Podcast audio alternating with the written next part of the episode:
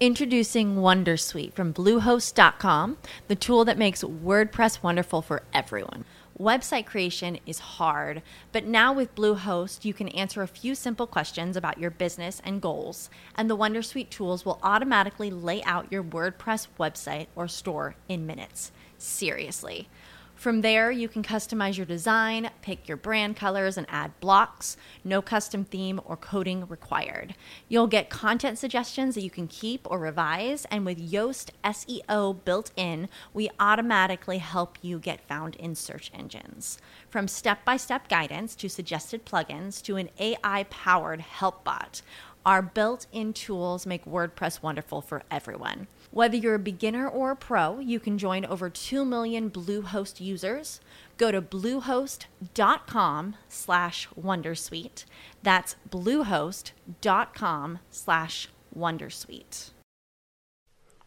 Du lytter til Overskudd med Even og Johannes. Der var vi tilbake. Mm. Alt veldig Johannes. Alt meget, uh, meget godt. Ja. Fått litt ka ekstra kaffe i koppen og Og litt varme i peisen. Peisen er i gang igjen. Og nei, det er koselig. Altså, til de som lytter, da, så er det jo ikke noe ny uke her, egentlig. Det er samme, samme dag som i forrige episode. Men for dere er det en ny uke. Mm. Um, og til de som lytter, så har vi da en gjest i dag òg. Ja, ja. Slik som vi lovet, så er Arthur her igjen. God dag, Arthur. Jo, god dag. Jeg kommer her altså fra en uke i framtiden. Uh, snakker til dere. Jeg, jeg vet ikke hva dere prater om. Jeg er en uke her i framtiden, ja, så det, Ja, ja, ja. Nei, altså, det er ikke samme dagen. Noen ligger foran eh, andre. Uh, men vi har klart å kommunisere på tvers av eh, tidslinja her. Ja, det blir litt for Ja. Inception for meg. Ja, ja. Arthur, vi er fortsatt eh, Vi skjønner hva vi holder på med. Ja da. Ja. Jeg vet, nei, litt av poenget her er vel at jeg ikke forstår en drit om økonomi, egentlig. Så det Uansett det om du kan reise nok, i tid eller ei. Men eh, ja da. Nei, det er hyggelig å være her. Uh, Syns det er interessant å Syns det, Mm. syns det er interessant å snakke med dere, for å være helt ærlig. Ja, i like måte. Det er hyggelig. Ja. Gode spørsmål stilte forrige uke, eller ja, for to, ti minutter siden. Ja. Litt avhengig av hvordan du ser det, men Ja.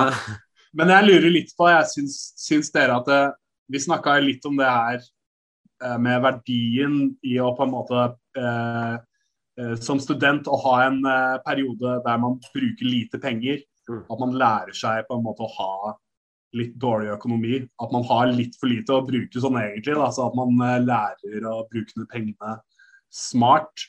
Men sånn eh, eh, utenom det, utenom eh, den eh, på en måte eh, det forholdet til å bruke lite penger.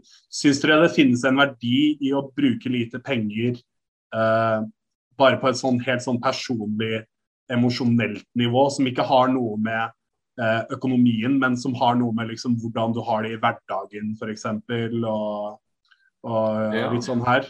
Ja, altså jeg, absolutt. Eh, men altså det jeg ser tilbake på, altså når jeg ser tilbake, det er at det kjipeste er vel egentlig hvis du bare ikke har blitt med på noe. Det, men det kan være alt fra en liten en sånn telttur i marka til eh, liksom en fest. Eh, men det er ofte det der å se tilbake på noe som kanskje var en delt opplevelse med noen andre som var veldig gøy, da. Eller bare for deg selv. Eh, og da vil jo pengemengden variere, ikke sant. Det er jo noen som ser tilbake på ah, den dagen jeg hadde når jeg var på liksom, var den beste dagen i mitt liv. Men det, jeg hadde aldri kunnet si noe sånt. For altså, de beste minnet jeg har, er typisk kanskje når jeg sitter foran et bål. Du nevnte jo det at du satt utenfor et bål i går. Jo, jeg var med her. sånn speidergruppe og satt og grillet pølser uh, Mm. ute ved Bogstad- Bogstadvannet i går. Veldig trivelig. Ikke Så det er liksom Ja, hva kosta meg- kostet det meg? Jeg betalte for en pakke pølser og litt lomper. Det, Ja. det er, Fordi at, ja, det, det spørsmålet her kom Oi, avbrøt jeg nå, Johannes? nei, nei. nei, nei. Beklager. Nei, men eh, det spørsmålet, spørsmålet her kommer jo på en måte ut av noe jeg har funnet ut med meg selv, da, og det var um, det var et tidspunkt For jeg begynte å studere etter at jeg hadde jobbet i noen år. Mm. Og da hadde jeg jo eh, tilegna meg en viss sånn um, Cashflow. Ja, en, en viss livsstil, da Ja. kan man si. Så, cashflow, det var en, altså til meg og ut. Det var cashflowen, for å si det sånn. Men uh, da tilegna jeg meg en viss livsstil, og jeg levde veldig sånn Det jeg har lyst på, bare impulsivt kjøper jeg hele tiden, på en måte. Mm. Mens uh, men jeg har vært mye mer lykkelig når jeg på en måte har uh, ikke har brukt så mye penger. Når jeg på en måte bare har forsøkt å finne ut hva er det som gjør meg glad. Mm. Ikke av ting jeg kan kjøpe, men av liksom bare helt sånne personlige ting, da, som du prater om å dra ut i naturen, f.eks.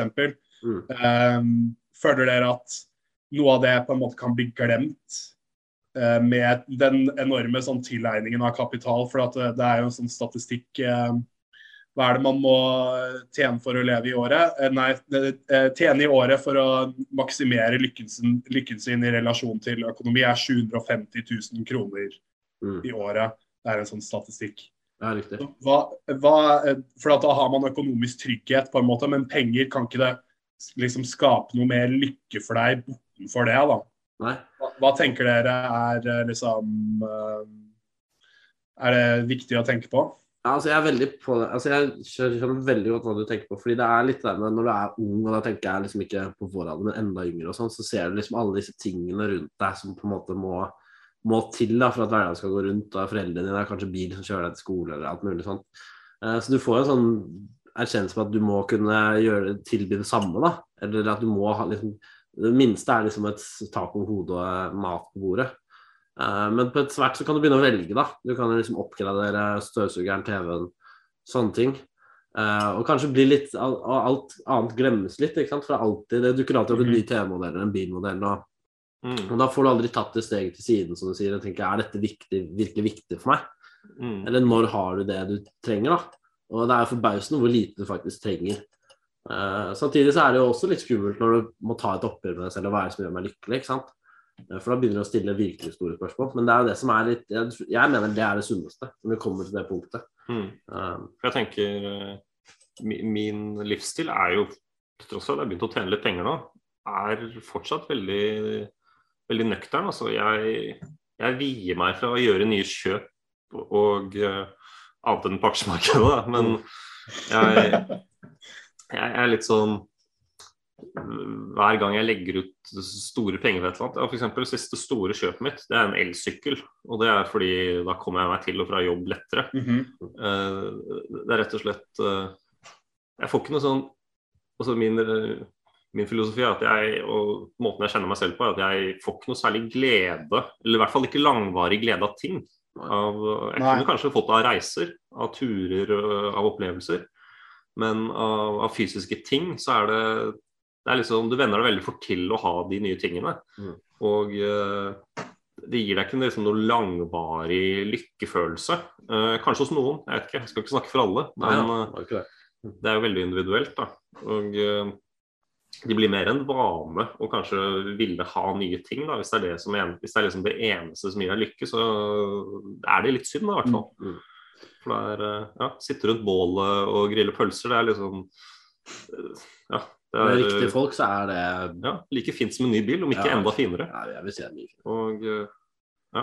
Ja, ja, for at det er liksom litt sånn her jeg på en måte eh, det er jo, Jeg føler at det er et sånn, eh, en problemstilling innenfor det her. Sånn, hva, er, eh, hva er faktisk motivasjonen min for å komme inn på markedet her? Eller hvorfor, hvorfor gjør jeg det her? Mm. Er det fordi at jeg på en måte bare forsøker å tilegne meg mer, bare fordi at det er det markedet vil jeg skal gjøre? Eller gjør jeg det på en måte ut av en eller annen sånn utviklende del av personligheten min, eller for å utvikle meg selv, eller eh, hva som helst, ikke sant. Og jeg tenker at det er ekstremt viktig å eh, på en måte huske på det i alt den Oppi den veldig kapitalistiske verden vi lever i, da, som eh, Jeg tenker jo mye på sånn derre Hvor utrolig sånn eh, eh, overvelda vi blir av alle reklamer for alle sånne her nye produkter som finnes konstant. Det er liksom bare en konstant sånn flodbølge av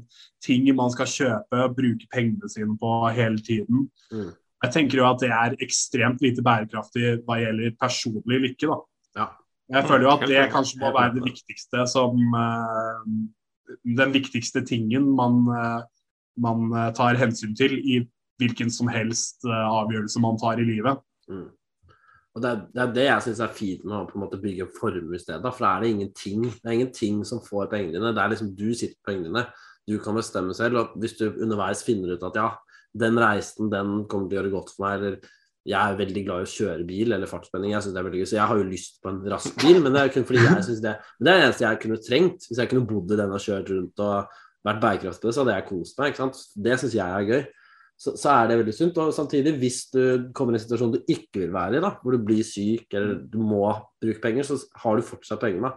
Så det å liksom hele tiden slippe å tenke på hva alle disse tingene som hele tiden dukker opp som du skal bruke pengene på, så kan du sitte på gjerdet og bruke tiden din konstruktivt på hva er det jeg har lyst til å gjøre for å være lykkelig. Og hvis, ja. hvis nøden melder seg, så er det også, så er det også good, da. Jeg tror det er også forholdet mellom stressnivå, da. Fordi mm. penger kan også være et liksom, stressfremkallende moment. Mm. Og uh, det at uh, Jeg har lyst til at penger skal kunne fylle den funksjonen av fravær av stress, da. Mm. Som hvor mye virker det på lykke? Det, jeg syns det er vanskelig å si, men det, mm. det, gjør meg i hvert fall mindre bekymret. Uh, men, ja, men, penger skal liksom ikke være løsningen på lykke. Det, det skal, men det skal kunne bistå i å ikke gjøre meg stresset, ikke gjøre meg dypt ulykkelig. Mm. Ikke få meg til å havne i en kjip livssituasjon. Mm. Så det er eh, det er jo mange som har andre tanker om det. Og det er jo si, vanskelig å forhindre at man i dagens samfunn har liksom mål om liksom et fet penthouse-leilighet i Oslo eller mm. jeg vet ikke, uh, fin bil. Mm. Ja, altså jeg tenker jo litt sånn hvordan vi mennesker er av natur. Så er det jo litt sånn uh, Vi har jo det her med Vi har det her med hvordan uh, forfedrene våre på en måte hadde et forhold til sukker. Når de kom over sukker, altså frukt f.eks., på et tre på savannen, mm. så de, Det var jo ekstremt sjeldent at de kom over frukt som de bare på en måte kunne spise der og da. Så det um, forfedrene våre gjorde, var at hver eneste gang de kom over det, så bare spiste de alt på en gang. ikke sant? De spiste ekstremt mye for at de visste det var veldig lenge til at de kom til å få den muligheten igjen. Og. Mens jeg føler at eh, er, vi, er over, vi, er veldig overstimulerte i det moderne samfunnet på mange måter. Og penger kan definitivt bidra til den overstimuleringen hos mange, der man liksom bare kjøper for å, for å, på en måte få en sånn dopaminrespons eller uh, hva som mm. helst. Mm. Så um, uh, jeg tenker at um, rett og slett at uh, det er viktig å på en måte unngå den fellen. Da, at man liksom bare gjør ting ut av impuls, rett og slett. Selv om det kan føles veldig godt. og det er jo det dere også har sagt gjennom hele den episoden her, er jo at man må så, At det er best å så frø. Da. At man må investere sakte, og det, det er jo noe Ja. Jeg liker den rasjonaliteten ved det. Mm. Og det er, men ja, også er det, det, er jo veldig sunt å være student, som du sa i sted. At er, du får liksom en sånn tilværelse hvor det gjelder å kanskje være litt sparsom, men du finner gleden i det òg, eller du finner verdien i det òg. Mm. Uh, og så er det viktig da ikke bli for låst i å på en måte Ja, det er det hvis du absolutt leser hver dag og for å oppnå det, ikke sant. Det er det samme som å kjøpe noe. Når du kommer dit, så er du lykkelig. Nei, når jeg liksom har fått den uh, liksom det resultatet fra skolen, da, jeg, da, kommer jeg i en jobb. Og hvis jeg gjør det jeg skal gjøre der, så kan jeg gjøre ja. det, og da blir jeg lykkelig. Ikke sant? Hele tiden. Hvis du alltid unngår det altså hvis du, hvis du, kan bruke liksom litt mer penger enn du skulle for å få en kjempekul opplevelse når du er student, så er jo det riktig ting å gjøre. For da kan du se tilbake på det og smile tilbake på det på lenge. Mm -hmm. Altså Jeg har jo minner fra Eh, fra liksom videregående hvor jeg kanskje ikke tok et økonomisk lurt valg, men det er jo ting som jeg fortsatt går og smiler for. ikke sant? Så det er ikke alltid sort på hvitt. Men, men, det, men den der rasjonaliteten at ja, når jeg får det, da er jeg lykkelig, det, det tror jeg ikke er riktig vei å gå. Heller. Nei, det er jo for å Altså, jeg er jo med i et litteraturprogram, så jeg bare Eh, jeg bare tar det som name-dropper det nå, bare for å gjøre det. Det er tekstbehandlingsprogrammet. Du kan mm. høre meg hver eneste onsdag der. Ja, Men i hvert fall eh, på Radio Nova.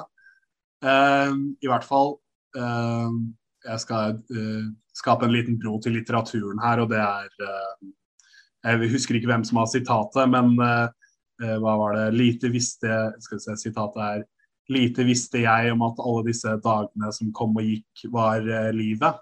Mm. Uh, og jeg tenker jo at det er, det, det er veldig viktig å tenke på uh, i, i relasjon til alt man gjør. Også i økonomi, at man på en måte ikke er sånn Og ja, når jeg har tilegnet meg så og så mye rikdom, det er da jeg blir lykkelig. For at da er det sånn Hva faen er poenget da, hvis du på en måte Hvis du ikke kan være lykkelig før det. Ja. Derfor også liksom Altså Grunnen til at jeg klarer å sitte og investere, det er at jeg får litt, jeg får litt glede av å sitte og lese om selskapene jeg har valgt, og at eh? Ja. de finner, ja, finner en ny måte å tjene penger på igjen. Apple har laget en eller annen ny, ny, nytt produkt som ikke eh, har kommet før. og Mm. Ny tanke. altså De sitter og og Det syns jeg er spennende. Jeg syns det er kult. Og, Mm. eh, Og det og det i seg selv har også Det at jeg klarer å glede meg over det. Klarer å glede meg over å lese om selskapet. Mm. Klarer å at de gjør det bra. Det, det, synes jeg altså bare ja. Veien er også en del av gleden, ikke Ja. målet. Så Mm. Det å se kanskje liksom sånn Oi, hvis det skjer, så vil jo selskapet måtte gjøre det. Eller det, det kan være alt mulig, alle andre settinger, og bare fulgt deg videre. ikke sant? Og så skjer faktisk det du så for deg. mm. tyder jo på at du har en viss innsikt og har lært noe også. Og bare sånne bitte små ting som det der har jo ekstrem verdi da, når du sitter der og smiler for deg selv og Mm. koser deg liksom, med øyeblikket. Det er noe vi rørte litt eh, Det er noe vi rørte litt ved i den forrige eh, podkasten òg, at eh, det er litt sånn hva, hva er interessen? Hva er det som på en måte fanger deg med økonomien? da, At man måtte finne det. Og som du sier, eh, Johannes, det her med at du får glede av å se utviklingene i eh, markedet. da. Det kommer jo på en måte med en interesse, og da er det ikke et sånn derre bare et sånn der kav for å på en måte tilegne seg mer. Da er det mange flere ting som spiller inn der. Jeg tror det er viktig for de som ikke er innenfor økonomien, å på en måte klare å kunne se de aspektene. da. Mm. Ikke bare se å ja, her har jeg råd til det og det og det, eller hva som helst. Men se, ja, se gleden i veien, da, og ikke i, eh, i målet nødvendigvis. Ja, for jeg vil også si at liksom Markedet i seg selv, da, det som f.eks. funksjonene med rente, inflasjon, statsgjeld altså Å se det og for, prøve å forstå det fullt ut det er, altså Mange er jo veldig uenige om dette her blant økonomer. og på en måte prøve å ha en mening om liksom dette dyret, da, dette markedet, og hvordan det utvikler seg videre. og på en måte lære mer underveis. da forstå, ok, Hvordan er dette perspektivet her? Det, det, det synes jeg, jeg syns det er veldig spennende. Jeg synes det er veldig gøy å se Forstå mer og mer, og forstå andre perspektiver. Og få, få en mye nyansert tilnærming. da, fordi jeg føler de som eh, altså de, de, Og det er også det jeg tenker i forhold til det jeg har lært av juss i eh, rettsvitenskapsstudiet. Der er det jo veldig sånn Du skal alltid ha balanserte drøftelser. da, Du skal alltid på en måte si på den ene siden, på den andre siden så er dette altså, dette er grunnen for at dette er lovlig, dette er grunnen for mot. Eh, det å alltid ha en slik balansert tilnærming, da, det tror jeg er veldig, veldig sunt i aksjemarkedet. Fordi du, du forhold til, jeg vet ikke jeg, I krypto så, så har jeg hørt veldig mange som sier at eh, Jeg vet ikke om dere, om dere har hørt begrepet FUD, da, FUD. eh, og det, det er et begrep som står for fair, eh, uncertainty uh, Så husker jeg ikke det igjen. Det. Eh, ja, samme.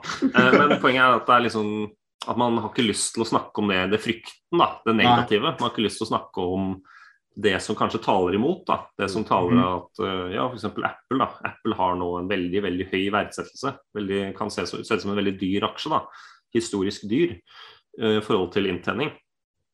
Og eh, hvordan skal man forholde seg til det? Eh, og man må på en måte jeg tenker at Man må kunne se det inn i øynene, se, det, se motargumentene for caset sitt eh, inn i øynene. Mm. Og på en måte ha, ha hvert fall gjort opp en mening om det. Er dette her eh, er dette reelt? Er dette, hva, hva er dette poenget å si? Hva er det å si for meg? Um, og i hvert fall være balansert hele tiden. da. For Det er veldig lett å være, det er veldig mange bastante i aksjemarkedet som mener at ikke denne aksjen skal tidoble seg i løpet av eh, tre år. eller noe sånt.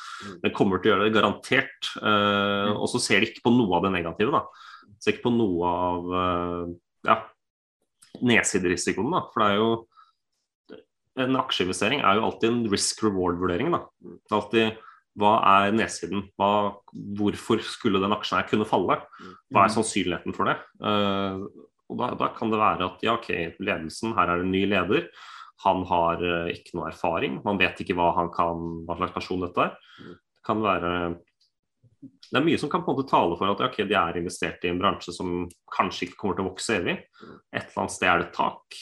De, klarer de helt tatt å finne nye inntjeninger på dette området her? Det er, men alt dette her er jo liksom essensen av å ha et nøkternt syn på ting. da, Kanskje ikke bare kjøre et løp som du føler du er liksom fornøyd med, ja, og bare gønne på, men altså, du er hele tiden litt kritisk til deg selv, men også finner, finner argumenter som du kanskje ikke trodde på. Det er jo litt der med penger også, at du, du må ikke låse deg til at du tror liksom dette er løsningen som er riktig. Bare det å liksom bli rik, det er liksom ikke så enkelt. Mm. Hele tiden vurdere frem og tilbake, da. Nei, vi har jo snakka litt om det her med interesse, på en måte, at man må ha et interesseaspekt ved det her for å komme seg inn i økonomien. Og Det her er, det er bare noe jeg lurer på. Er det, eh, kan, føler dere at sport kan være en gateway på en måte inn i, eh, inn i, økonom, inn i aksjer? Hvis dere skjønner hva jeg mener. Sånn, du, har sånne, du, har et lag du på en måte heier på, og du har eh, Eh, du har på en måte eh, karakterer som eh, spiller på en måte innenfor de forskjellige aksjene. Du har personligheter som er veldig store innenfor, innenfor industrien. Og du har masse sånne her forskjellige meninger om alt som foregår. Du har på en måte ting du på en måte investerer i som du nesten heier på. Da. Er det, føler du at sport kan være en gateway til litt ja, mm. til det jeg prater om her. Ja, altså Det vil jo selvfølgelig variere fra person til person, da. Men, ja. uh, men, det tror jeg absolutt. Og jeg ser flere og flere som på en måte vil ha litt mer sånn uh, Gå vekk fra betting-aspektet med det, og gå ja. over til å være mer sånn uh, ja, litt mer vitenskapelig, litt mer sånn fjerne tilfeldighetene og liksom går fra Du ser jo det idrettsutøvere liker å gå når de er ferdig med idrettskarrieren, kanskje gå over til finans eller forretning. Ja. Rett og slett fordi det er en naturlig eh, liksom, utvikling, da. Og det vil, det vil, gjette, det vil gjelde alle mennesker. Mm. Ja, da, det, var, ja. Det, var, det, er bare noe jeg liksom refererer til, for du ser jo sånn med sånn der Reddit eh, f.eks. hvordan de Eh, hvordan det aksjesubredditen eh, holder på der, er det jo at de har veldig klare favoritter. Det er sånn ja, nå skal vi kjøpe opp så og så mye av GameStop f.eks. Mm. Det, var jo, det gjorde jo store Føler dere at det her er noe som vokser? på en måte en sånn uh... Ja, altså det kan ja. være en fin måte å komme inn i markedet på. da, Ha favoritter.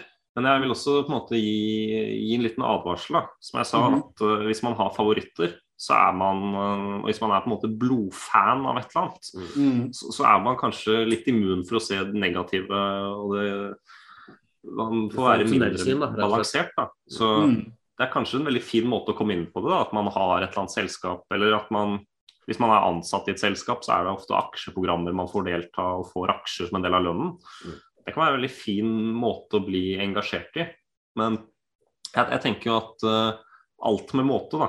Og, mm. uh, og, jeg har jo sett det der i GameStop-hysteriet at det har jo det har jo blitt veldig ensidig. Man har ikke, og det har jo ført til at aksjeprisen er langt over det som skal si, vanlige økonomer og analytikere mener er en forsvarlig prising av et selskap som ikke har en ja, som foreløpig ikke har en businessmodell om noen år, da, kanskje. Det er i hvert fall mm. det med fysiske spill er jo liksom det, det er på vei ut, da. Ja, det er jo ja. Mm. ja. det er jo i total nedgang. Det har jo vært det lenge. Mm. Nettopp. Men det, men det, som er litt gøy, som du sier der, eh, det kan på en måte vekke en interesse. da. Jeg har lest boken av en som heter Peter Lynch. Det er forresten en bok jeg kan anbefale til nybegynnere, Arthur. Mm -hmm. For det er veldig sånn lettforståelig. Og han har en sånn modell på at han finner aksjer ute i virkeligheten. da. Og Hva heter han, boken? Eh, nei, Han har lagd tre bøker. Den ene og liksom vanligste er One Up on Wall Street. heter den veldig fin bok. for Han har sånn tilnærming som er veldig enkel. Han liker å være ute i verden. Eh, og så ser han på en måte rundt seg hvem er det som på en måte er en ny eller en etablert aktør da, som har muligheten til å gjøre noe som andre ikke gjør. Så han, En dag så er han for med dette er faktisk fra boken, så er han med kona si og handler på et kjøpesenter. Eh, og Så blir han med henne inn på en sånn vanlig butikk, og så ser hun da at hun og alle andre damer kjøper en bestemt type undertøy. da.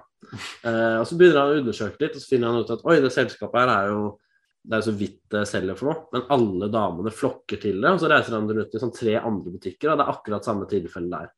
Uh, tre-fire damer, eller tre-fire butikker hvor alle skal liksom kjøpe dette ene merket. Og så ringer han en kompis eh, som bor i en annen del av landet og spør ja, vil du bare sjekke det for meg. Så er det samme tilfelle her. Eh, og da er det jo litt sport i det, ikke sant. Plutselig så har han funnet noe som ingen andre har sett.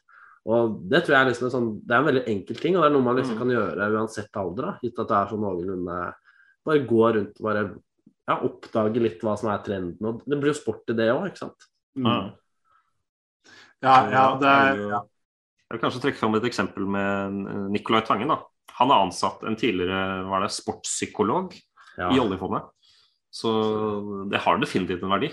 Det må jo sies det. Mm. At uh, sport og aksjer det har, det har mye til felles. Mm. Så, og så som jeg sier at uh, ja, vær litt uh, Ikke vær en heia, heiagjeng på aksjen din Nei. uten like. Vær nyansert. Mm. Ja, for jeg, det er jo liksom noe jeg føler skiller Hva kan man si de økonomiinteresserte fra de eh, økonomiignorerende eller kapitalismehatende personene i eh, samfunnet, er jo liksom den her polar polariseringen Mm. eh, som du nevner at det, er, det finnes liksom polarisering innenfor uh, alt. Mm. Ja, og jeg føler at uh, eh, Jeg nevnte det i forrige episode òg, at jeg syns det er viktig at de som er en del av humaniora, også deltar i, eh, i økonomien, da, og vice versa med, med økonomer som på en måte deltar i den eh, eh, mer menneskelige, liksom. eh, eh, kunsten, f.eks., eller bare sånn studie av mennesket. Mm. Så eh, ja, jeg føler at det er verdi å hente for alle sammen. da. Og det, er, det er litt problemet nå om dagen, at, eller det har vært, det nå begynner sakte. og- Fordi økonomien balanserer jo mellom si, sånn ekspansjon og jeg husker ikke det motsatte. Altså Perioder hvor det er veldig lett å få penger til prosjekter, og hvor det er veldig vanskelig. altså Finanskrisen så var det umulig å på en måte komme med Du kunne ha den beste ideen og den beste forretningsmodellen, du fikk ikke penger. Mens eh, Mm. nå, inntil veldig nylig, så kunne du liksom Hva enn du kom med, så ble du liksom kastet penger etter deg. Og det er jo Ingen av delene er sunt. Du må ha en sunn eh, tilnærming. ikke sant? Eh, og det er da du finner liksom denne gode veksten, denne gode ideen. Så det er litt der å kunne være kritisk uansett hvem du er, da. Men også åpen for ting også. Det, det går liksom igjen og igjen hele tiden. Du har sett det siden eh, økonomiens morgen, så er det perioder hvor folk er liksom ikke kritiske nok, og så kommer det en periode hvor folk er altfor kritiske. Mm. Eh, og, der, og du trenger liksom begge aktørene. Du trenger humaniora, du trenger liksom disse blodkapitalistene som bare Det eneste de står opp for om morgenen, er å bygge et hus eller hva enn det måtte være. Du, du trenger begge partene for å holde en sånn sunn tilnærming. da. Mm. Og da er det viktig at begge parter deltar, men eh, og liksom deltar på en måte på en, med et fint forhold. da. Ja, og det er mye interessant også som man kan bruke liksom om f.eks. ledelser. da. Analysere ledelsen i et selskap. Er dette her et sunt selskap? Er det et sunt arbeidsmiljø? Det, måte, det, det har mye verdi for uh, måten du vurderer et selskap på. Et selskap som f.eks. har uh, mye utskiftning av arbeidere, som har uh, det, det vil være også veldig dyrt å drive. da. Så, så ja, både, både på ledelsesnivå og på skal vi si, arbeidsmiljømessig nivå, så, så er det veldig interessant å analysere selskaper. Ikke bare på, liksom, på tall, men også hvordan menneskene har det. Hvordan fungerer ledelsen? Hvor innovative er de? Hvor gode mellommenneskelige er de? Det, det er på en måte det er ting som har verdi i en analyse, det òg, vil jeg si. Warren Buffett er jo legende på akkurat det der. Men Mm. menneskene er liksom mye av det viktigste i en bedrift. da. Men- de, Ja, Sånn jeg anser det, så er jo en, en smart, eh, et smart selskap, eller et smart konsern, eh, eh, sørger jo for at menneskene som arbeider i det selskapet eller konsernet, føler seg verdsatt. Mm. Det er jo det, det Altså, det blir jo verdi for de. Så det er jo veldig sånn rasjonelt av de å, å, å gjøre det. Men føler dere at selskaper gjør det av faktisk liksom empati, eller føler dere at de gjør det pga. Uh, av vinning?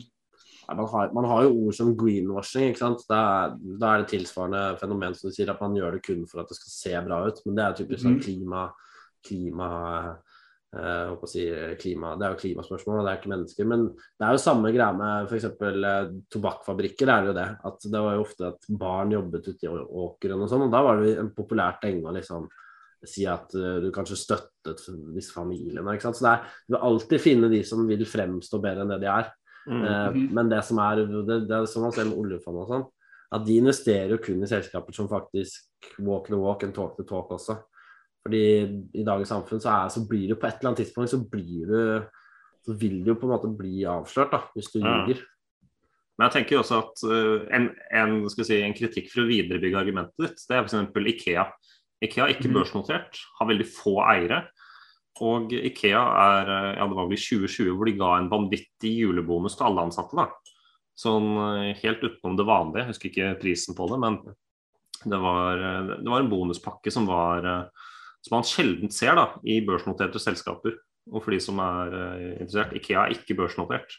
Så er det en sammenheng her. Er, eh, er alle eiere av aksjer på børsen kyniske folk som, som vil tjene penger? Kanskje i større grad, men du må jo si at uh, å være kynisk i forhold til si, HR, ha et godt arbeidsmiljø, det, det er kanskje ikke så kynisk i seg selv. For det, et godt arbeidsmiljø vil jeg også mene er, eh, er bærekraftig og billigere det er billigere å investere i et godt arbeidsmiljø enn å ta kostnaden av utskiftelser hele tiden, da, Mm. mener jeg.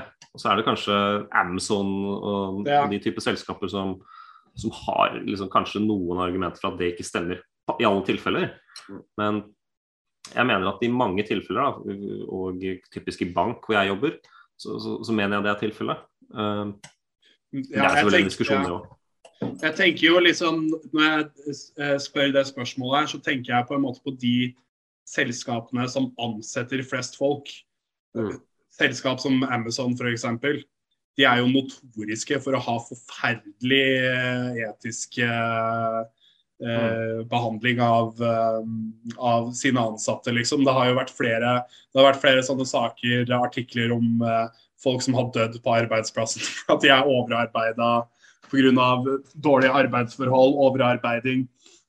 Mm. Mange sånne er forskjellige ting. Da. Det er kanskje ikke helt like relevant i, det er ikke like relevant i Norge sånn som det er i USA, men du har definitivt også Spesielt sånn der matbransjen, føler jeg, Mm. eh, behandler eh, ansatte veldig dårlig. Sånn, eh, I sånn der eh, fast food-opplegg og sånn, Mm. så er det bare sånn Du, du, du jobber i et dårlig, dårlige omgivelser. Mm. Eh, tenker dere på en måte at ja. Et poeng med det tenker jeg, det er at mange av dem er jo liksom Der er det mye utskiftning av arbeidskraft generelt. Mm. Og da skal vi si, da blir det ikke så lønnsomt da, fra det kyniske perspektivet at da blir det ikke så lønnsomt å investere i HR når alle uansett eh, kun jobber der ett og et halvt år i Mm. snitt eller noe sånt. Så, så det er på en måte kanskje en svakhet, og det er der jeg mener at politikk burde steppe inn og gripe inn. fordi vi Ja. kan si at vi er begge enige om at kapitalisme ikke løser absolutt alt. Så, og politikerne i USA er jo veldig tilbakeholden med å regulere arbeidsmiljøet mer enn det det er i dag. Så det, ja, jeg føler jo definitivt at uh, det er uh, Altså, sånn som vi prata om i forrige, at, uh, forrige episode, at du lever i drømmeland hvis, hvis Som en person da, som står utenfor økonomien, så lever du i drømmeland hvis du ikke har lyst til å forholde deg til det. Mm. Så lever du også i drømmeland hvis man på en måte tror at kapitalismen kan selvregulere seg selv til etiske løsninger hele tiden. For det er jo mm, totalt åpenbart at, at den ikke gjør. Mm. Uh, vi ser jo det, vi ser jo verdien av, eh, spesielt her i Norge, vi ser jo verdien av arbeidsmiljølover og, uh, og alt sånt her. Mm. Eh, men det med utskiftning, det er, veldig, ja, det er veldig sant, egentlig. fordi at det er sånn, ja, hva er poenget hvis de folka her skal bare jobbe her i ett år, skal bare stå, stå her i kassa i ett år, og så er jeg ferdig med den jobben her, på en måte. Da, da er det på en måte ikke noe insentiv, da kanskje, for de å mm.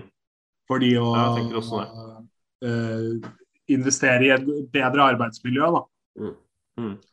Så heldigvis, da, på et plan hvor økonomien hvor det er forventet at de ansatte skal være ansatt i mange år, A new year, time for new growth. Grow your education and skills with Herzing University. Our online behavioral health programs fit your schedule and time, from an eight month diploma program in health and human services to a 36 month bachelor's in psychology. Grow your behavioral health career with us wherever you are in your education. Your future starts now at Herzing University. Visit us online at herzing.edu or text health to 85109. Online at herzing.edu or text health to 85109. så er det heldigvis lønnsomt å investere i arbeidsmiljøet. Mm. Det hadde, hadde vært veldig dumt om det ikke var det. Um, så, så særlig der liker jeg å se at selskaper ønsker å oppnå et godt arbeidsmiljø. Mhm. Ha få saker mot seg og få stygge liksom, an anklager om dårlig arbeidsmiljø. Og, og det, det, ser jo, det driver jo aksjekursen ned. Jeg vet ikke om du har fulgt med på selskapet Hva heter de, de som lager Call of Duty-spillene?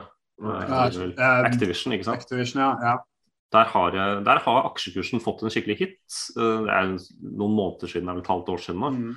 Men den fikk en skikkelig hit fordi det var mange saker oppe i media om at arbeidsmiljøet var dårlig. Så, så det, er, det, er ikke bare, det er ikke bare for økonomien sin skyld, men det er også at aksjonærer rett og slett ikke, ikke liker å eie selskaper.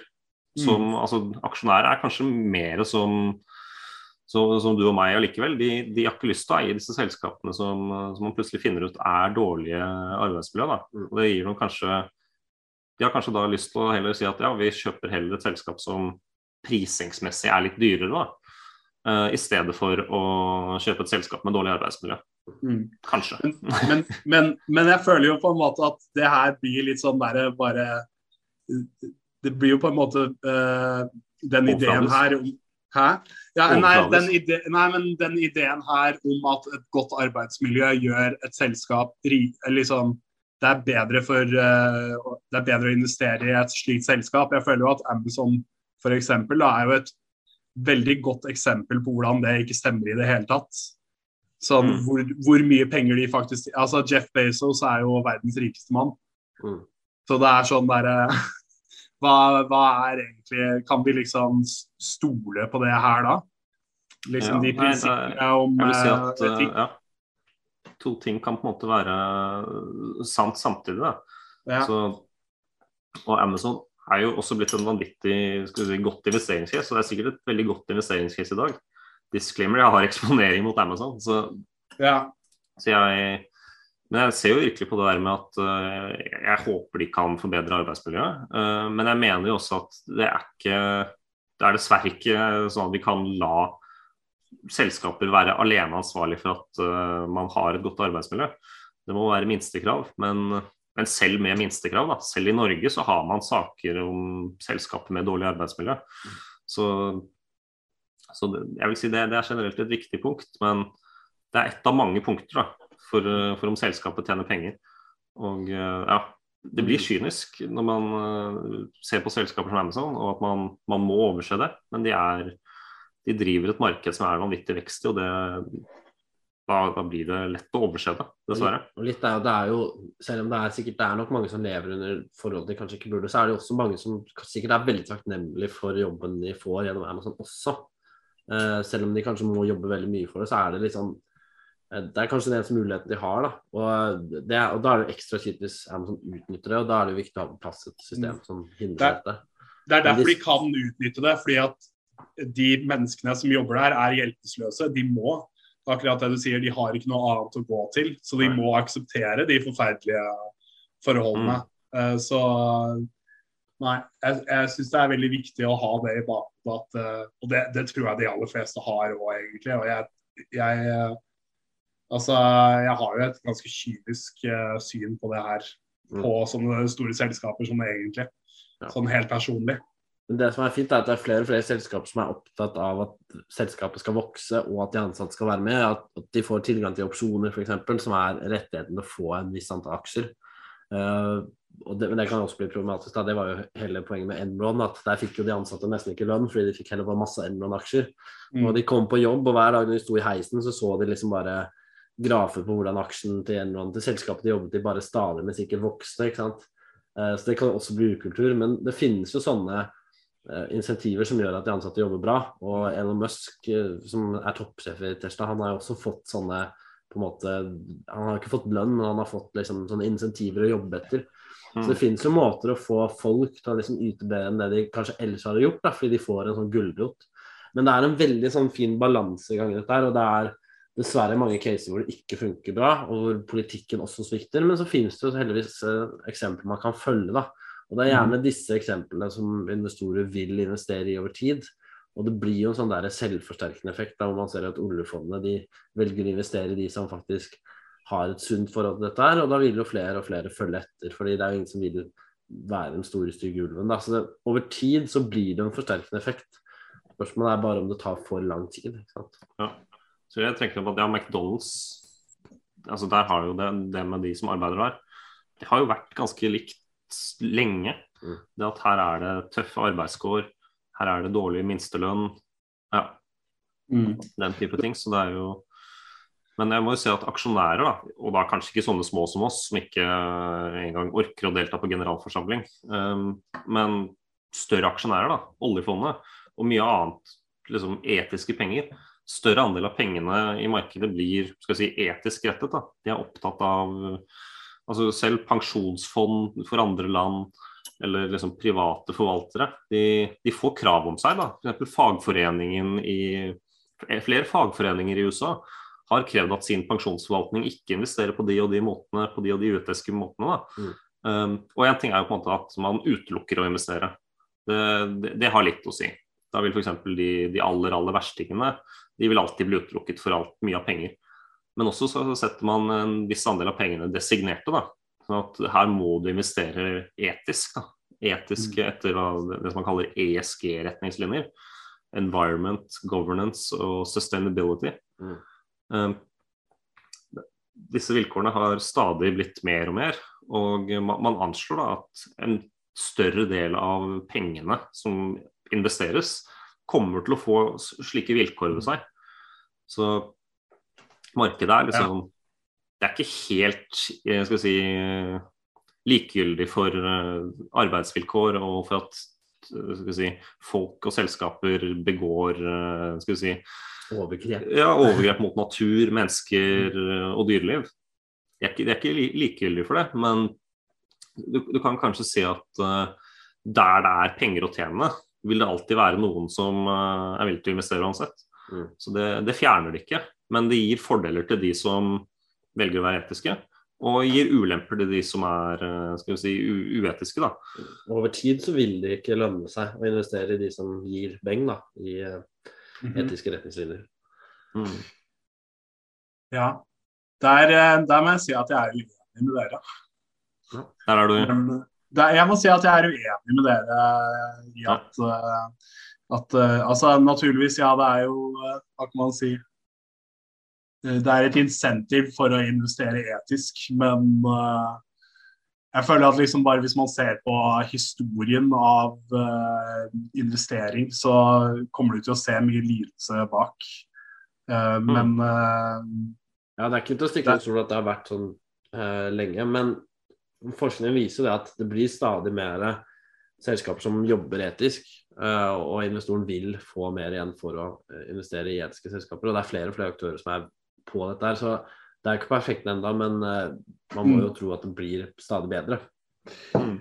Så ja, så, så som jeg også understreket, det er på en måte Man må ikke anse det som si, selskapenes eget ansvar, men det at de bærer, og bærer en bevissthet rundt det, det, det mener jeg er rett og slett fokus i markedet som, som bidrar til. Da. Det er ikke kanskje egen fri vilje at selskapenes ledelser og selskapenes aksjonærer vil dette.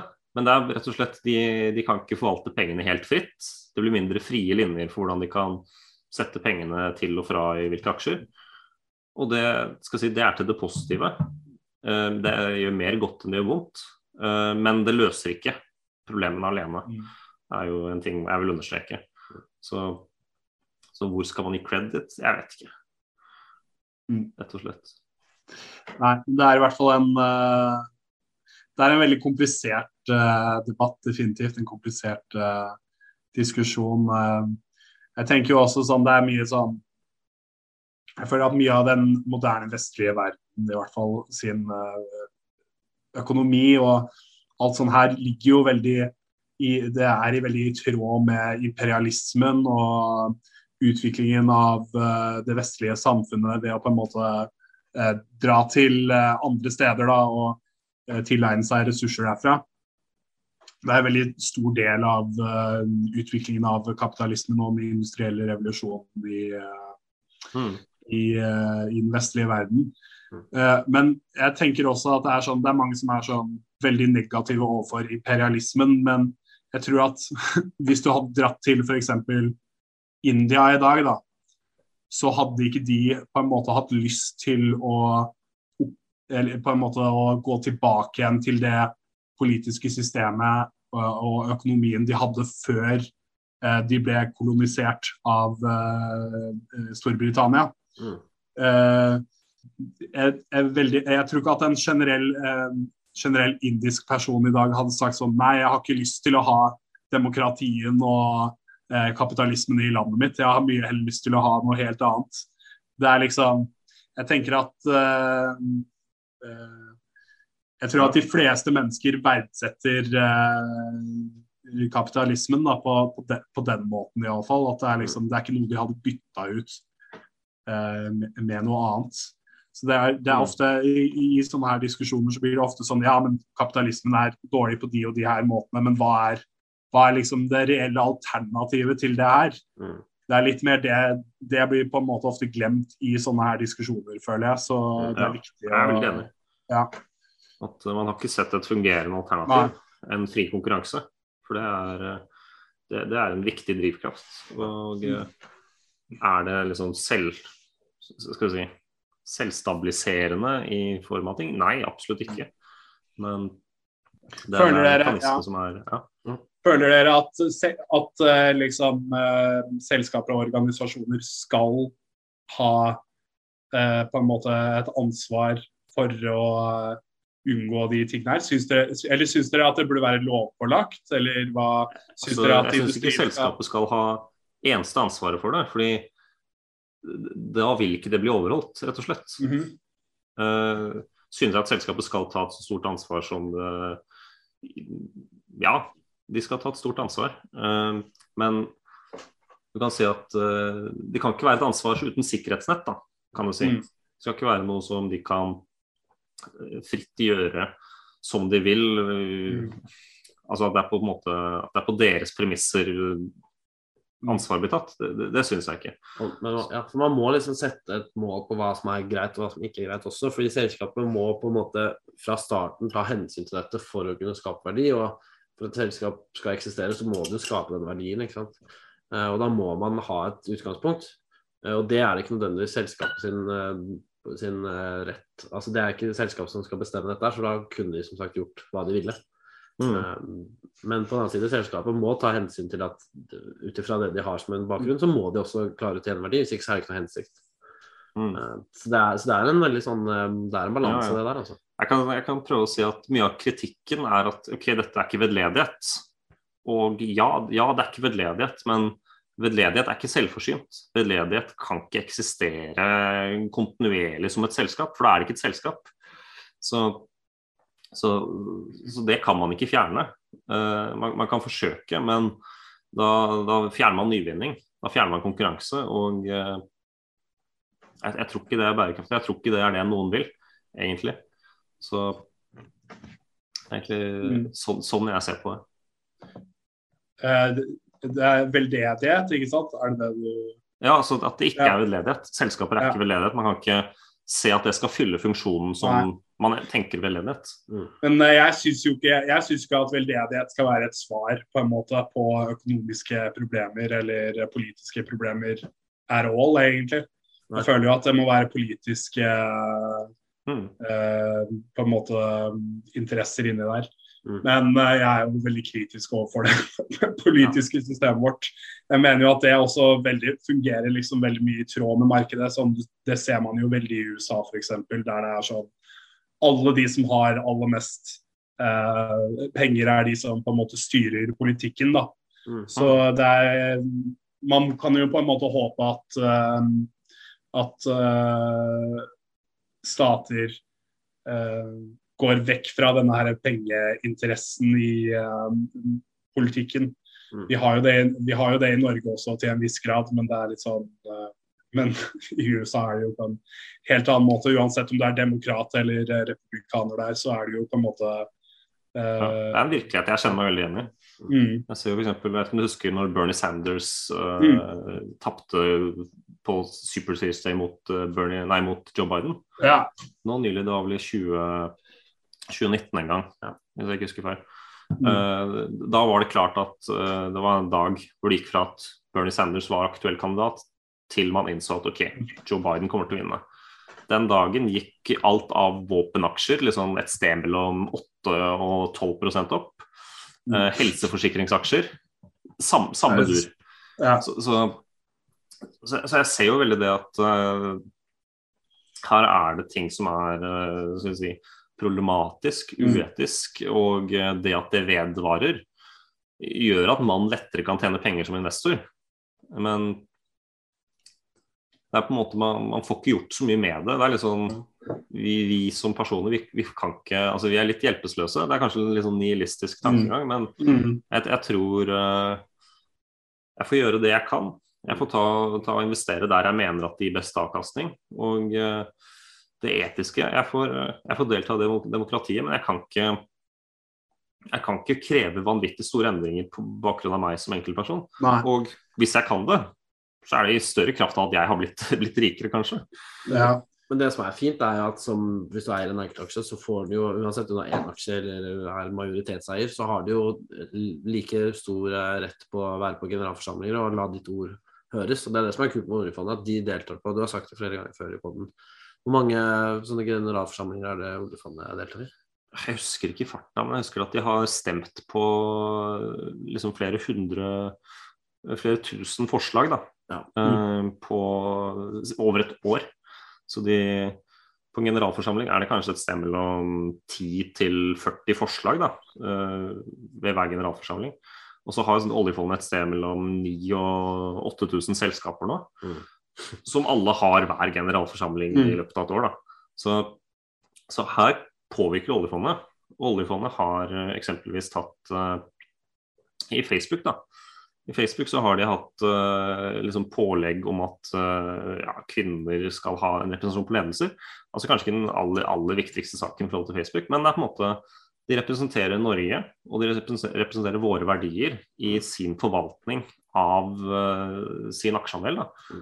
Og oljefondet eier per i dag hver dag 1,5 eh, nærmer seg kanskje 2% av alle verdens aksjer. Mm. Så, så det, er, det er en kul måte å ha makt på.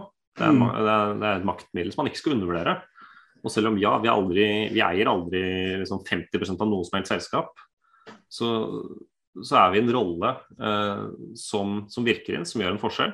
Det er en brikke, rett og slett. Mm. Det er vi som eier selskapet. Ja. Og den brikka jeg kanskje tror vi ikke har sett betydningen av. fordi betydningen for vår del det er at oljefondet er eh, kapitalsterke, vi blir rikere av det. Men noe av verdien etter hvert blir jo det å kunne styre og kunne være en aktør som folk tar veldig seriøst.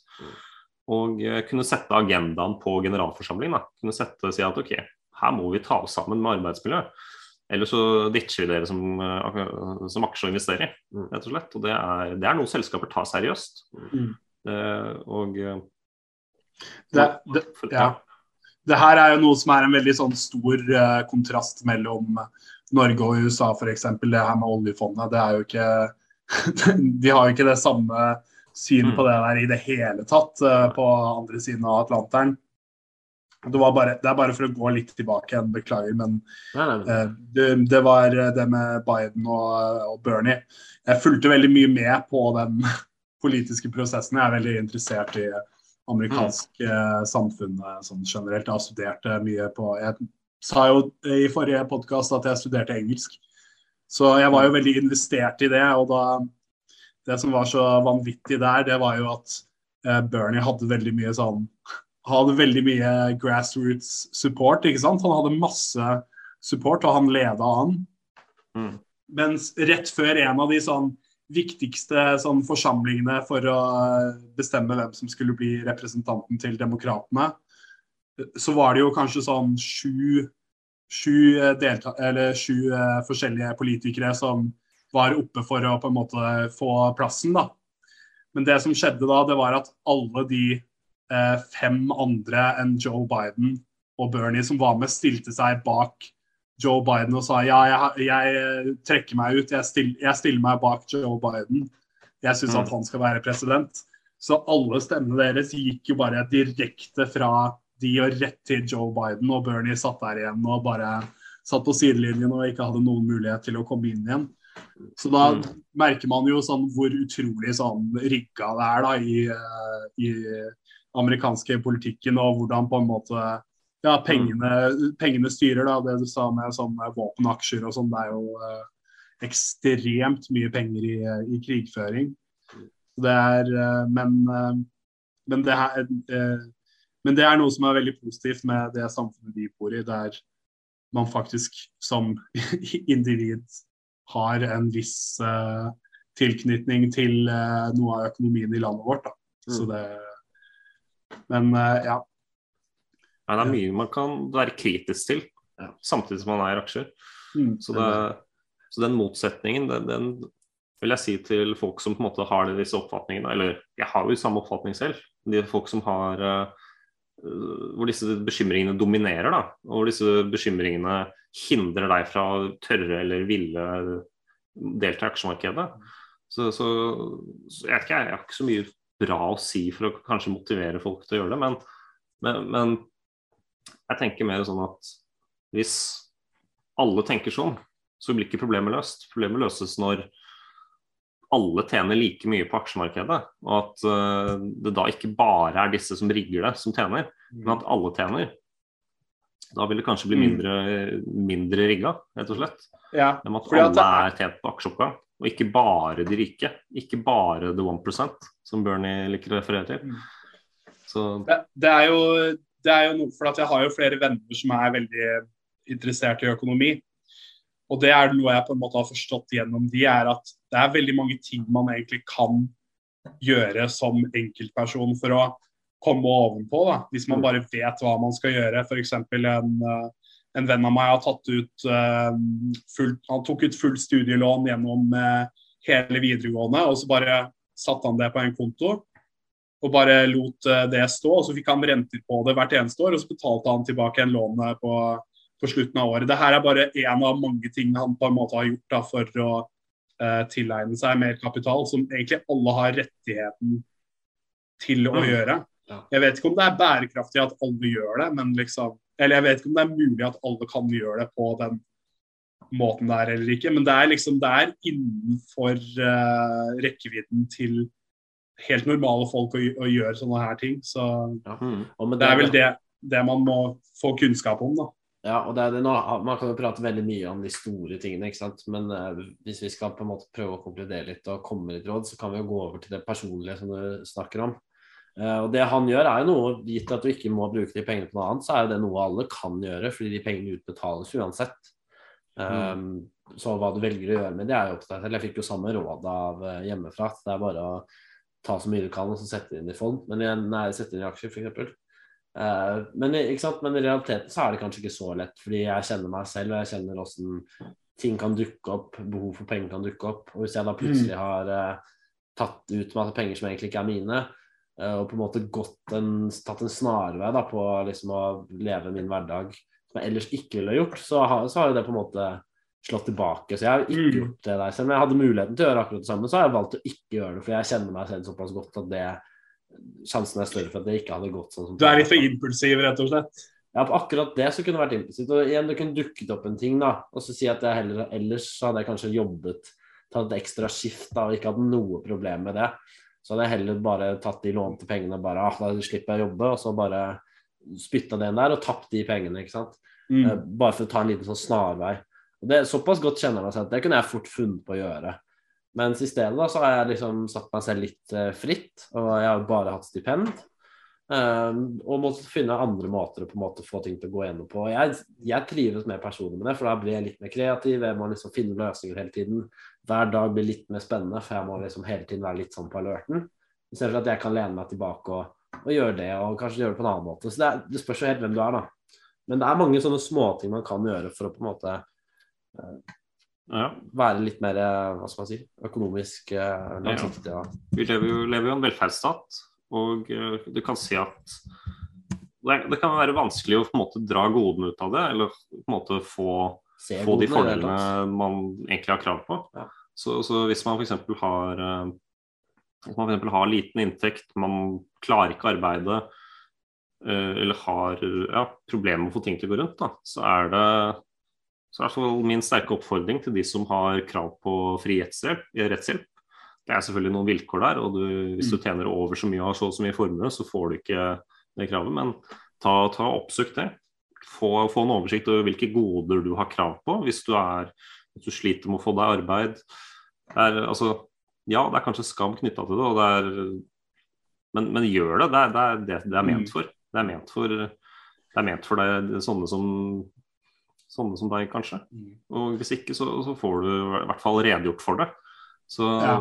så rett og slett uh, Hvis man virkelig sliter uh, med å få ting til å gå rundt, enten som student eller som, som voksen, så, så mener jeg at her må man må man ikke la liksom skam være et hinder for at du tar, tar tak i å prøve å få til få til disse ekstra stegene. For det er jo sånn alle gjør det, alle bruker jo det de har krav på. Og stortingsrepresentanter bruker jo mer enn det de har krav på. Så, ja. så jeg føler liksom Ikke se noe skam i å ta, ta og undersøke, i hvert fall. Være litt lur, rett og slett, tenker Ja, vær litt lur, for det er jo Bare, og, ja, altså, jeg, men jeg har egentlig ikke hatt Jeg har aldri hatt noe behov for på en måte Jeg har alltid hatt arbeid. Selv om jeg har vært student, så har jeg på en måte alltid hatt arbeid. Um, eh, jeg har hatt Jeg har liksom fått såpass mye um, erfaring innenfor den, det arbeidet jeg har drevet med, at jeg på en måte kontinuerlig kan få meg jobb innenfor det her ved siden av eh, studietiden min. da. Som er en, som er en eh, OK jobb å ha ved siden av studiet, f.eks. Ja, jeg snakket ikke egentlig ikke til deg direkte. Jeg snakket Nei, nei. Nei, jeg skjønner. Ja, jeg forstår. Ja. Takk. men men, Nei, men, men jeg vet at men, men jeg føler at det er mange som må vite at bare faen dra fingeren ut av ræva litt og bare prøv å skaffe deg arbeid òg, liksom. Det er faktisk mulig å gjøre det hvis du på en måte tenker litt utenfor boksen og Det er kanskje litt sånn lur, som du sier. Ja. Det er riktig ord. Helt riktig ord. Men jeg, jeg tenker at det er, men det er, det er eh, Mange studenter liker å klage veldig mye over situasjonen deres. Og det er litt sånn Du har muligheter til å liksom ut, gjøre noe mer um, enn det du faktisk gjør, tenker jeg da. Eh, det er kanskje stivt og kynisk å si det, men eh, Nei, men, men, igjen, Ja. men det kan være litt ekstra lett for oss å prate, liksom, for noen er mer ekstroverte enn andre. og Det er liksom det å være Mm. frempå og liksom se en mulighet til å bare gripe den. Det er liksom, for noen er det kanskje litt mer åpenbart enn andre, Mm. men det er som du sier, ja, mulighetene er litt overalt. eh, Og så kunne man liksom skjønne det litt, så kan man begynne å se seg rundt og faktisk Det er litt lettere å gripe, da. For det er lett å føle at mye går imot deg, men det er jo og mye er jo lagt opp til at det skal gå og føles sånn ut, kanskje. Men, men det er, hvis du er litt lur, da, så er det faktisk mer enn man kan gjøre enn det man kanskje tror, da. Mm. Så det, men, eh, men i hvert fall så eh, skjønner jeg at folk er litt sånn handlingslammede i et eh, jeg liksom Med hvor mye som faktisk foregår, men Mm. det er alltid muligheter. Så Og det viktigste er liksom å begynne, ikke sant. Ja. Med dette frøet. Starte å så det frøet og liksom skape seg en sånn viss Mm. liksom Forme en ny mentalitet. Da. At det er liksom Du må starte et sted. Det gjelder jo alle som liksom har tjent mye penger og blitt rike på et tidspunkt. Det har jo, det har jo startet et sted. Eh, Mhm. en eller annen kar fikk en god idé, eller hva det måtte være, så en mulighet. Det, det starter jo alltid et sted, da. Arv f.eks. er en, det er en stor, stor eh, startpakke for mange, det er det ikke det? Jo, det kan være det. Det er, det er jo ta, ta tak i den og ha en plan hvordan du skal forvalte den. Ja, det- Ikke brenne av alt. Ja, det, det er jo det, ikke sant? Du kan arve så mye du vil, men hvis du sitter igjen med null når tiden er over, så er du en idiot. ikke sant? Det er hva du gjør det til. Mm. Si at du får én million og kan gjøre det til eh, 100 i løpet av ditt liv. Da Eh, Så har du på en måte, da har du vist at du har liksom skapt, skapt noe verdi et annet sted. Ja. Og det er jo, Du kan sette hvor du vil, men ikke sant? du kan investere alltid Si at du finner en startup som du syns noe om, da, et firma som har en visjon, og du er liksom hoved... altså Nå anbefaler ingen å gjøre dette, for det er ganske risikabelt, men du er liksom primus motoren for at de lykkes, da. Og at de kan gi en tjeneste som, er, som viser seg å være viktig. Så, så, er liksom, så har du gjort mer enn det kanskje som andre hadde gjort, da. Så det kommer helt an på hva du gjør. Du må være litt lur, da, som du sier, Arthur. Mm. Ja, det Sats på at folk tar det tar det rådet til hjertet. Ja. Mm. Og en fin ting med skal si, samfunnet generelt, og arv og, og, den mekanismen der, det er at mye av velstand forsvinner fra de, skal si, de rike familiene over tid. Da. Så det er, vel, det er veldig få familier som sitter og beholder velstanden sin eh, generasjon etter generasjon. Eh, man kan kanskje komme på noen eksempler, men veldig veldig mange eksempler er at uh, neste generasjon som arver penger, brenner det opp, taper seg, eller at uh, det, går for spill på andre måter. Og så kommer nye, nye skal si, nyskapende folk mm. og opparbeider seg egen velstand. Så det er, det er, noe fint med det også, at mye av skal si, the one percent det varierer. Det vil være nye personer fra liksom tiår til tiår hvor uh, folk taper seg i verdi, og folk taper alt. og så kommer det nye og tar og blir, blir velstående. Så. Det er jo på Dow Jones-indeksen, som er liksom de 30 største industriselskapene i USA, så er det vel nå kontra 100 år siden, så er det vel bare ett selskap som er det samme. Det er vel General Electric, tror jeg. Mm -hmm. ja. Kan, kan hende ikke stemmer, men det er, det er, i hvert fall de aller, aller, aller fleste forsvinner. Mm. Så det er alltid nye ja. muligheter. Da. Så det er, det er helt opp til deg selv, egentlig. Mm. Ja, nei, men det, det er i hvert fall oppløftende hvis man uh, føler at man har litt, uh, litt uh, dårlig økonomi f.eks., eller føler at man har litt lite, så må det være positivt å føle at man kan Det finnes muligheter til å endre det, da. Det gjør det jo alltid. Ja, jeg mener fortsatt at den beste investeringen er jo i deg selv, på en måte. Og mm. du spurte jo tidligere, Arthur, hva, hva kan jeg lese? Og det tror jeg er veldig viktig for de som føler de står veldig på bar bakke og ikke har noe for Bare begynn å lese den der Intelligent Investor jeg har snakket om. Det er en kjempefin bok for de aller aller fleste som virkelig er helt på scratch. Johannes og jeg hoppet jo på en måte litt inn midtveis, da, i og med at jeg studerte og Johannes hadde hatt litt sånn interesse som bygde opp. Men hvis du virkelig står helt på null, så er det liksom et fantastisk sted å starte. Uh, og det er veldig mange som liksom kan ha holdt på i årevis, som aldri i nærheten har lest den boken, og til slutt kanskje straffes litt for det, da, fordi de blir litt for eplekjekke og og på en måte bare følte at de fløt på en, eh, på en sky hele veien og liksom aldri fikk et rasjonelt forhold til det. Så det er liksom Det å lese tror jeg er veldig, veldig lurt. Mm. Og det er i hvert fall en veldig god investering av tid. Absolutt. Skal vi Oi. Nei, nei altså det er, det er, jo Som sagt, vi kan jo prate i timevis, men, eh, men, det er vel kanskje et greit sted å runde av? Ja, jeg tenker det. Vi har jo snakket om uh, alt mulig nå. Det... Og vi kunne snakket om mye mer. Det kunne vi. Ja. Det er veldig hyggelig å ha deg med, Arthur. Jo, det er veldig hyggelig å være her. Det er gøy. Mange morsomme, interessante samtaler. Og... Ja, jeg, tenker at, input, ja.